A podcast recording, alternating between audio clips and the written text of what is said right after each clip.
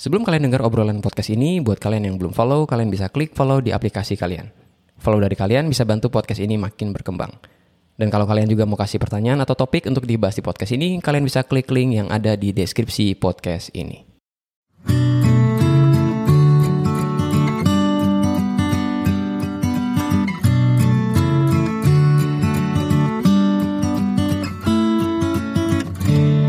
Selamat datang di podcast Pak Kris.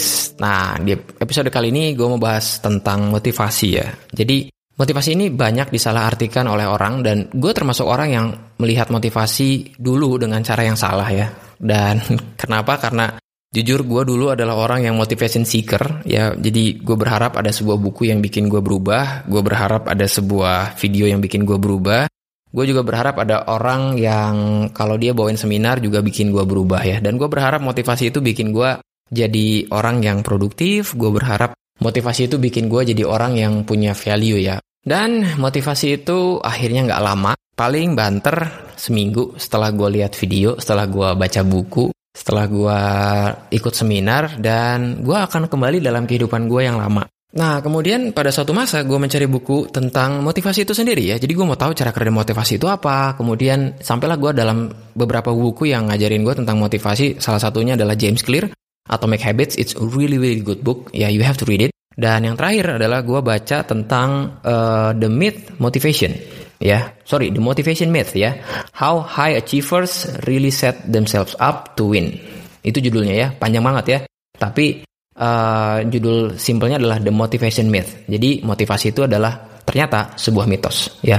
Yang nulis Jeff Haden namanya, dia tulis buku ini di tahun 2018. Gue baca dari cover to cover ya. Jarang banget gue baca buku kayak dari awal sampai akhir ya. Tapi ini sangat interest banget dan akhirnya gue tahu cara kerja motivasi kayak gimana ya. Nah, gue akan bahas sedikit tentang buku itu. Lalu gue akan kasih kalian beberapa tips yang gue sedang cobain dan cukup berhasil bagaimana membuat motivasi itu tetap ada ya. Jadi buku ini aneh juga sih.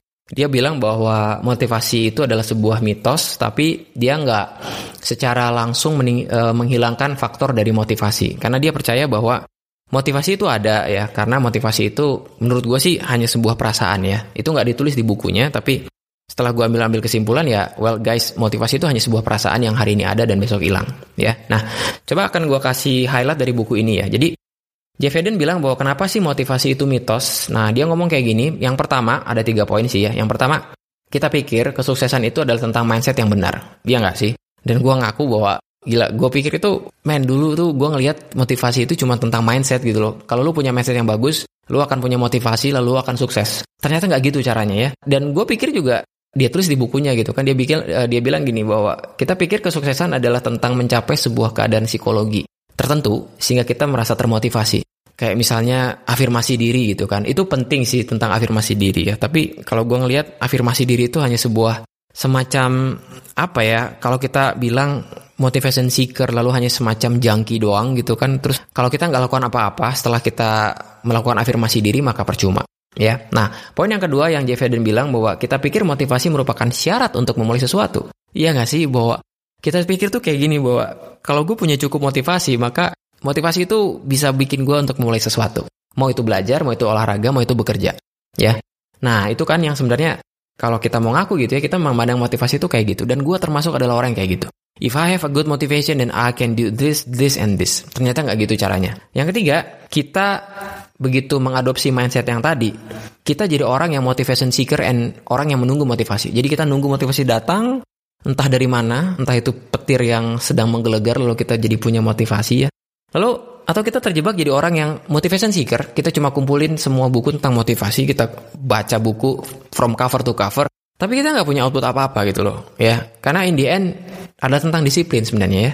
Ya, jadi kita pikir motivasi adalah syarat untuk memulai sesuatu, lalu karena kita nggak punya motivasi kita jadi nunggu, atau kita nyari sumber motivasi berupa buku, video, atau seminar gitu ya. Dan karena gini guys, motivasi itu bisa datang dan pergi. Karena menurut gue motivasi itu hanya sebuah happenings ya, hanya sebuah uh, perasaan gitu loh, yang kadang hari ini ada dan besok hilang ya.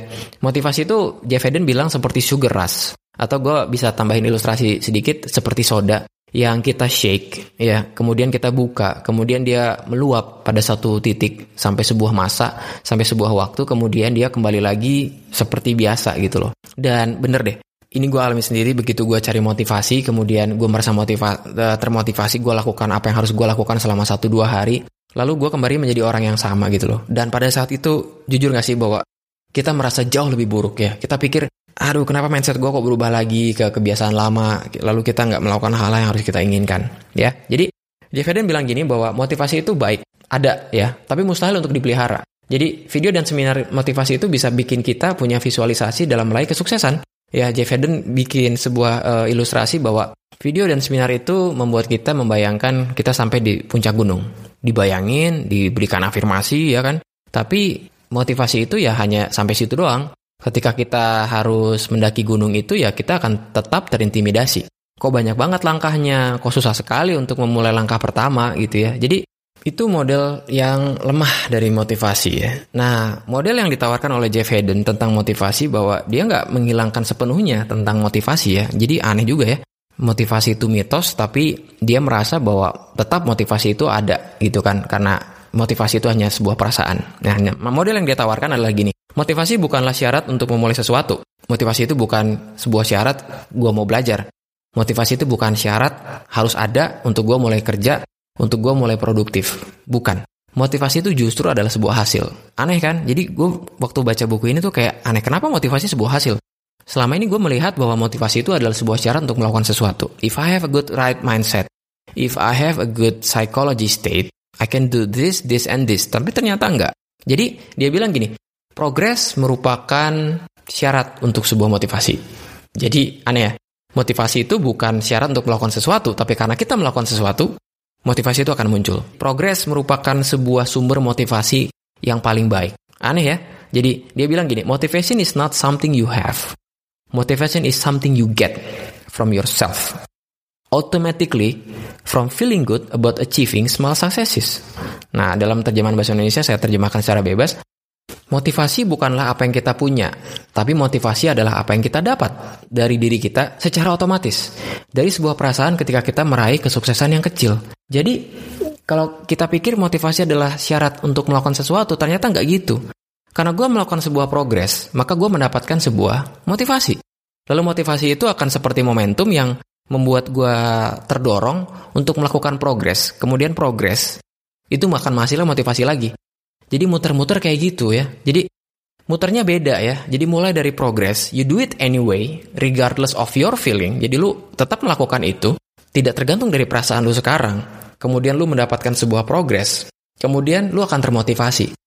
Lalu gue pikir secara dalam dan kayaknya memang kayak gitu ya. Ingat gak sih bahwa maksudnya kalau kita mau jujur sama diri sendiri ya, kapan kita mendapatkan motivasi coba? Kita dapetin motivasi ketika kita memulai sesuatu, ya gak sih? Gue inget dulu waktu bikin YouTube pertama kali ya, dan mungkin ada sebuah motivasi di balik podcast ini ada ya. Motivasi itu sangat meluap.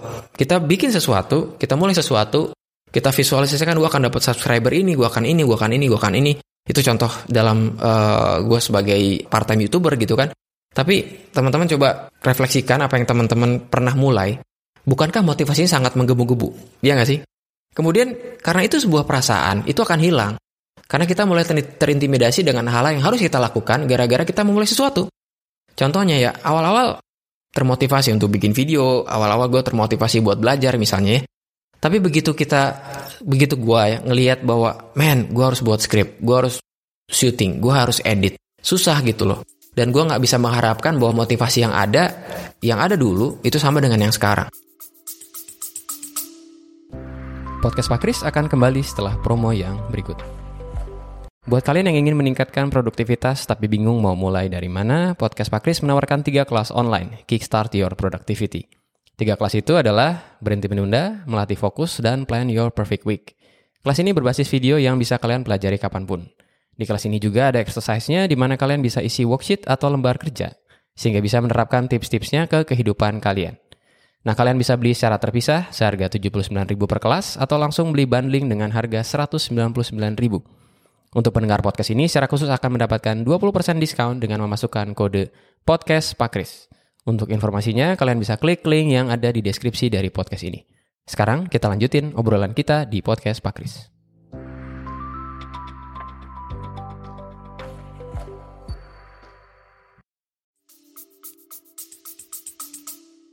Karena gue sangat terintimidasi dengan hal yang harus gue lakukan. Ya, jadi Jeff Hedden ini kalau gue ceritain dari buku itu lagi ya, dia bukan hanya sekedar ber berfilosofi. Ternyata dia juga mewawancari orang-orang yang sukses. Kemudian dia bilang gini bahwa orang-orang yang sukses membuat goal atau tujuan atau mimpi yang ingin mereka raih. Kemudian mereka betul-betul merupakan mimpi itu. Mereka lupain bener-bener tuh mimpi itu ya, padahal mereka udah set. Dan mereka memfokuskan semua perhatian dan usaha mereka ke dalam proses yang diperlukan untuk meraih goal atau tujuan tersebut. Jadi aneh loh, orang sukses itu ternyata gue set sebuah tujuan, lalu gue lupakan tujuan itu. Gue bisa review secara mingguan atau bulanan, tapi mereka langsung memfokuskan energi dan uh, perhatian mereka pada apa yang harus mereka lakukan untuk membuat mereka dekat dengan tujuan atau goal itu. Ya, jadi kalau nyambung analogi tadi ya tentang waktu gue buat YouTube gitu kan, gue boleh punya mimpi untuk dapetin subscriber, kemudian uh, berapa view-nya atau berapa watch hour-nya gitu kan. Tapi kalau gue cuma care soal itu, maka gue nggak akan melakukan apa-apa. Jadi daripada gue hanya ngelihat itu sebagai sebuah motivasi yang harus gue raih, sebuah goal yang harus gue raih, gue lebih baik memfokuskan diri gue dalam hal-hal yang harus gue lakukan untuk mencapai itu. Contohnya, ya gue lebih baik fokus untuk bikin skrip yang bagus. Lebih baik gue fokus untuk bikin video yang bagus. Lebih baik gue fokus untuk edit yang bagus. Lebih baik gue fokus untuk gimana bikin tag yang pas. Ya, gimana bikin card yang bagus ya kalau kalian tahu cara kerja YouTube dan sebagainya. Dan menurut gue harusnya seperti itu gitu loh. Ketika gue baca buku ini. Nah sekarang kalian bisa melihat bahwa kalau gue punya goal tentang misalnya kalau lu kita punya goal tentang mau punya badan yang sehat, mau punya badan bentuk badan yang bagus ya. Kalau kalian suka olahraga dan kalian suka fitness atau ya hal-hal kayak gitu ya. Jadi begitu gue set, gue punya berat badan berapa, gue punya otot kayak apa, lalu kita lupakan itu. Kemudian kita lihat apa yang harus gue lakukan besok, apa yang harus gue lakukan lusa. Apakah itu berupa jogging, apakah itu harus gue pergi ke gym, ya. Dan gue harus memfokuskan pada disiplin itu. Dan itu adalah model motivasi yang benar. Ya jadi menurut gue itu adalah model yang benar ya bahwa motivasi bukanlah syarat untuk melakukan sesuatu, tapi motivasi adalah merupakan hasil dari sebuah progres yang kita lakukan. Jangan mengharapkan motivasi akan selalu ada. Itulah kenapa begitu gue bener-bener loh begitu gue baca buku ini gue mulai benci kalau orang manggil gue sebagai seorang motivator. Jadi kalau dipanggil gitu ya, e, Pak bisa nggak ke sekolah ya ke beberapa uh, murid-murid baik itu SMP, SMA bahkan SD sekalipun ke mahasiswa juga gitu kan Pak bisa nggak motivasi anak-anak kami mereka lagi kurang motivasi Dulu gue masih menganggap itu sebagai sebuah pujian. Gue seorang motivator yang bagus, gue kasih quotes yang bagus, orang semangat. Tapi gue ngelihat ya mereka akan kembali ke kehidupan mereka kalau nggak disiplin gitu loh. Kalau nggak melihat motivasi itu bukanlah syarat untuk melakukan sesuatu, tapi merupakan hasil dari progres yang mereka buat. Jadi gue sekarang mulai benci disebut sebagai motivator ya. Jadi gue bilang sama yang ngundang atau gue bilang sama orang-orang yang jadi audiens gue bahwa gue bukan motivator, dan oleh karena itu, sejak gue bertobat, dalam tanda kutip jadi motivator ya, gue lebih suka untuk coach orang, supaya mereka punya habit yang bagus dan mereka punya sistem yang bagus dalam kehidupan mereka. Contoh, gue bisa motivasi orang tentang belajar. Belajar itu kayak gini loh. Ini loh benefit orang belajar. Gue bisa kasih video yang bikin mereka sedih, gue bisa bikin video atau kasih video dari YouTube, random YouTube lah ya, yang bikin mereka menggebu-gebu dengan kata-kata yang bagus, dengan musik yang dramatis, dengan ah you name it lah ya apa pun itu ya. Tapi kalau mereka nggak punya sistem, kalau mereka nggak punya cara untuk belajar yang benar, kalau mereka nggak disiplin dengan jadwal belajar mereka, mereka akan kembali jadi orang yang sama. Jadi instead of gue ngumpulin coach yang bagus tentang yang namanya belajar, yang namanya kerja keras, kenapa nggak gue ajarin mereka cara kerja keras yang benar, cara sistem yang benar, ya? Oleh karena itu kalau ditanya sama atau diminta orang untuk uh, ngomong sama anak-anak SMA, kuliah atau SD atau SMP gitu ya, untuk gimana cara mereka belajar yang benar, mereka punya semangat yang belajar, saya bilang gini bahwa, guys, lu dengar kayak gini sekarang bisa semangat, besok akan jadi orang yang sama lagi, jadi instead of gua ngomong soal quotes dan lalala gitu ya, lebih baik saya ngajarin cara belajar yang benar. Contohnya ya, well, kamu harus punya space belajar dan bermain yang berbeda, supaya kamu punya dorongan untuk belajar. Saya bilang dorongan, bukan sebuah motivasi, karena ya menurut gua dorongan itu ada ya karena sebuah sistem gitu loh, ya. Jadi bukan karena sebuah perasaan. Ya jadi saya bilang bahwa tempat belajar dan tempat main mesti beda. Kalau kamu taruh jadwal kamu di uh, kalender kamu, kamu taruh di to-do list kalian, ya. Kemudian ya kamu mulai belajar gitu loh. Singkirkan distraksi, singkirkan handphone, singkirkan game, singkirkan komik, and then you start studying. Lu duduk, lu tunduk, lu nulis, lu belajar. Ya, itu loh. Ya, jadi karena itu ya gue udah sangat tersinggung kalau di, gue disebut sebagai motivator. Podcast ini ada juga bukan buat motivasi kalian, bukan. Ya jadi kalau berharap ah gue mau cari motivasi di podcastnya Pak Chris, I'm sorry to say I'm not that kind of motivator gitu. Gue lebih suka kasih insight uh, supaya knowledge orang berubah, supaya um, apa yang mereka pahami dulu bisa agak sedikit dimodifikasi, agak sedikit direvisi untuk menjadi sebuah mindset yang lebih baik. Ya, nah sekarang saya mau mungkin memberikan sebuah tips ya. Gimana kita bisa lakukan secara praktis tentang motivasi ini ya. Setidaknya ada empat nih ya. Oke yang pertama begitu kita menetapkan sebuah tujuan atau goal tadi seperti yang Jeff Eden bilang lupakan goal itu dan fokus pada prosesnya. Nah cara ini dipropose oleh James Clear. Dia adalah penulis uh, Atomic Habits ya buku yang gue ceritain di awal tadi ya. Kalian lihat aja di jamesclear.com kalau nggak salah. Bagus banget. Nah, buku ini tuh mendukung ide dari Jeff Heden bahwa lebih baik kita fokus pada sistem yang membuat kita mendapatkan progres ketimbang bermimpi untuk meraih suatu tujuan. Jadi, kita nggak perlu mimpi banyak. Kita tetapkan tujuan itu, nggak perlu afirmasi diri pun menurut gue buat apa lah ya. Kalau kita nggak punya disiplin dan juga mindset yang bener. Gitu kan, ah sorry bukan mindset. Punya disiplin dan juga punya sistem yang bagus. Ya, contoh nih, ada banyak ekspektasi gue tentang YouTube dan podcast yang tadi saya bilang ya. Tadi jadi daripada gue mikirin tentang public view daripada gue mikirin tentang public watch hour dan juga subscriber ya lebih baik gue konsen pada gimana gue buat ide, gimana gue uh, syuting video, ya, gimana gue untuk bisa edit yang bagus, kemudian gue publish ya. Nah itu pun sama dengan kalian, terserah lah. Punya sebuah target dalam pekerjaan, misalnya gue mau promote uh, promosi jadi seorang manajer. Nah apa sih yang harus lo lakukan jadi seorang manajer? Mulai care sama orang, gitu kan? Mulai bantu orang. Nah itu yang harus kita lihat, yang harus kalian lihat kalau kalian mau jadi manajer ya, kalau kalian mau uh, naik dalam karir kalian ya. Nah kalau dalam karir gue sebagai dosen, ya gue mau jadi seorang dosen yang punya riset yang bagus, punya ngajar yang bagus. Dan daripada gue bermimpi jadi dosen yang bagus ngajarnya, lebih baik gue ngelihat apa sih yang bisa gue ajarin sama mahasiswa gue.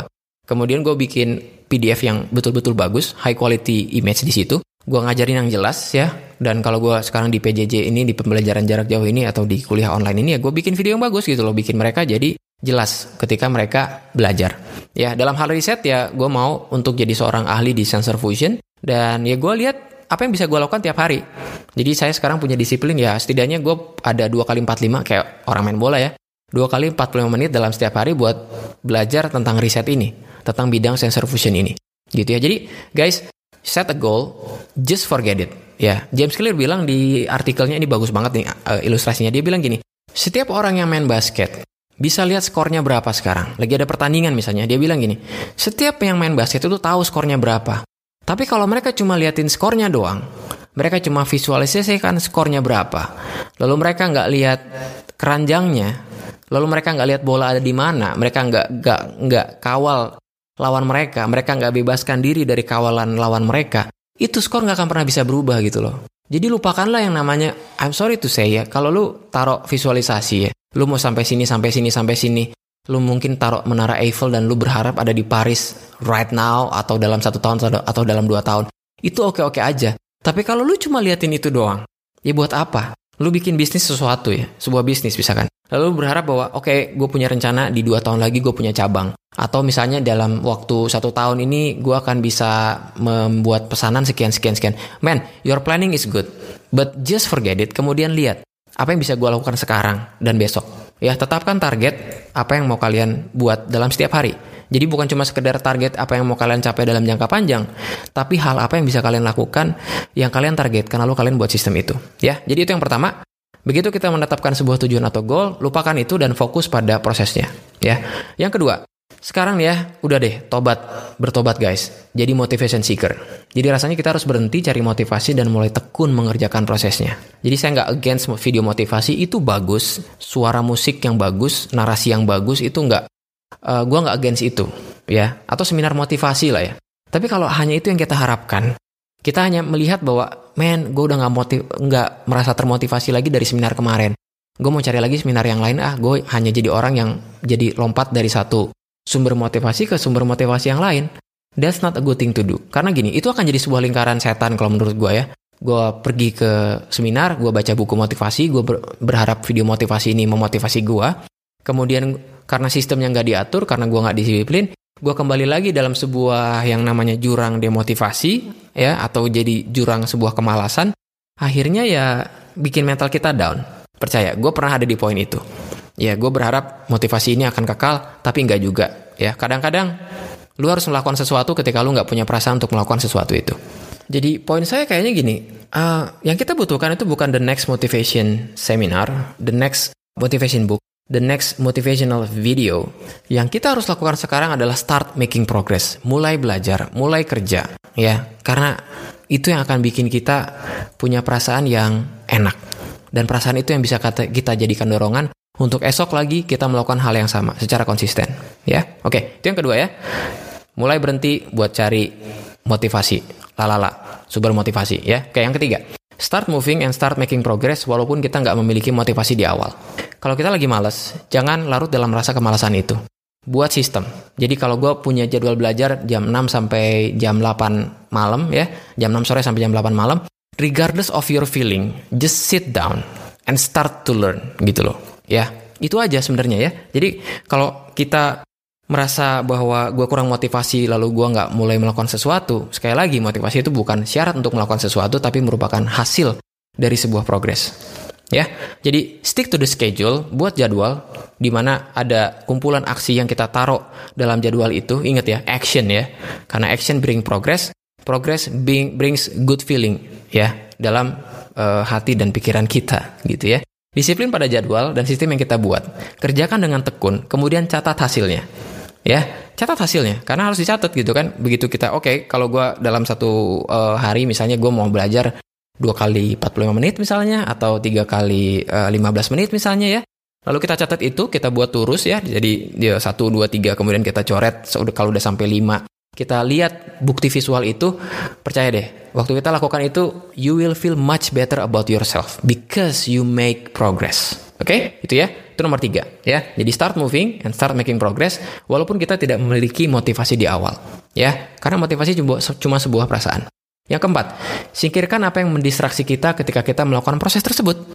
Karena gini, distraksi itu adalah sumber dari hambatan.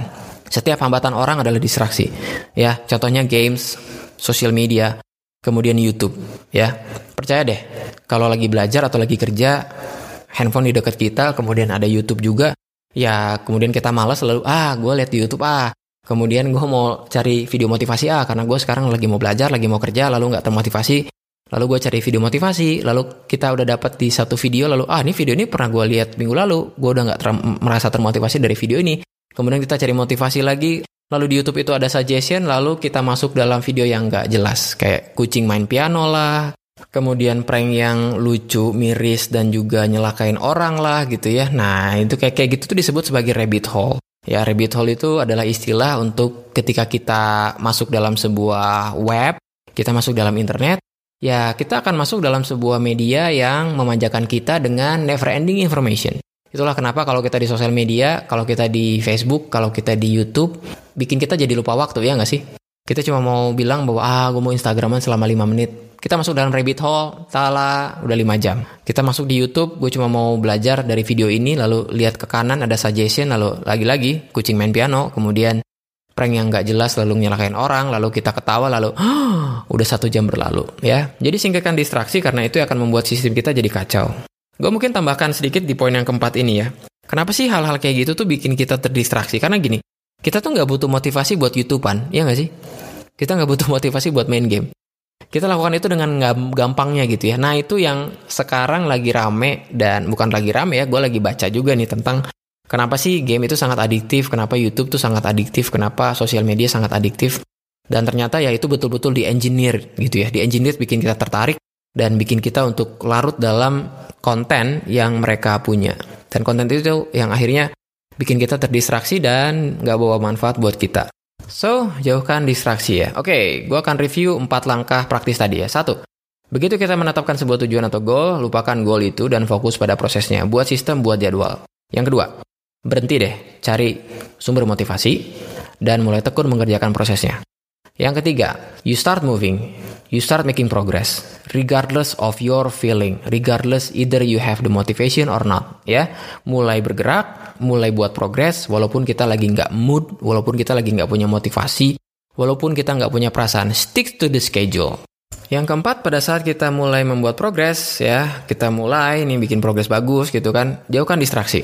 Stick to the schedule, uh, stick to the discipline, and start making progress. Lalu itu yang bikin kita jadi punya perasaan yang enak uh, untuk kita terus melakukan proses itu atau progres itu ya. So sekali lagi, motivasi bukan syarat untuk melakukan sesuatu, tapi motivasi merupakan sebuah akibat dari progres yang kita buat. So that's it, uh, sharing gue tentang motivasi dan semoga ini bisa jadi value buat kalian bisa jadi inspirasi kalian agar kalian mulai bertindak. Gue nggak berharap ini jadi motivasi ya karena man gue lagi ngomongin tentang motivasi itu mitos lalu gue gue mungkin berharap ini jadi sumber motivasi kalian. Gue nggak berharap itu tapi biarlah ini jadi inspirasi jadi sebuah knowledge yang merevisi model kalian tentang motivasi. So, itu untuk episode kali ini tentang motivasi dan kalau kalian mau tanya tentang sesuatu tentang topik ini atau topik yang lain ya seputar pendidikan, pengembangan diri, teknologi, komunitas, silakan tanya saya melalui website di www.christianfredina.com di situ kalian bisa isi form kalau kalian lebih nyaman buat nulis. Lalu kalian taruh kontak kalian di situ supaya bisa saya sebutin nama kalau pertanyaan kalian. Kalau pertanyaan kalau kalian nggak mau kalian disebutin nama ya bilang aja di situ kalian nggak nyaman untuk kalian sebutkan nama. Tapi kalau kalian mau tanya dan saya mau sebutkan nama kalian di podcast ini be my guest ya. Lalu kalian juga bisa taruh voicemail ya.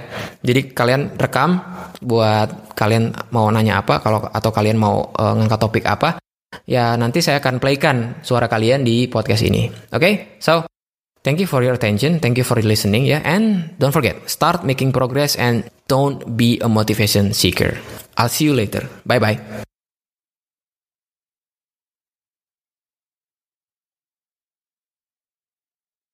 Kalau kalian dapat value atau manfaat dari podcast ini dan ingin say thank you, kalian bisa support podcast ini dengan mentraktir Pak Kris dengan klik link yang ada di deskripsi podcast ini. Terakhiran kalian akan sangat berarti untuk podcast ini tetap running dan bantu orang-orang untuk stay productive.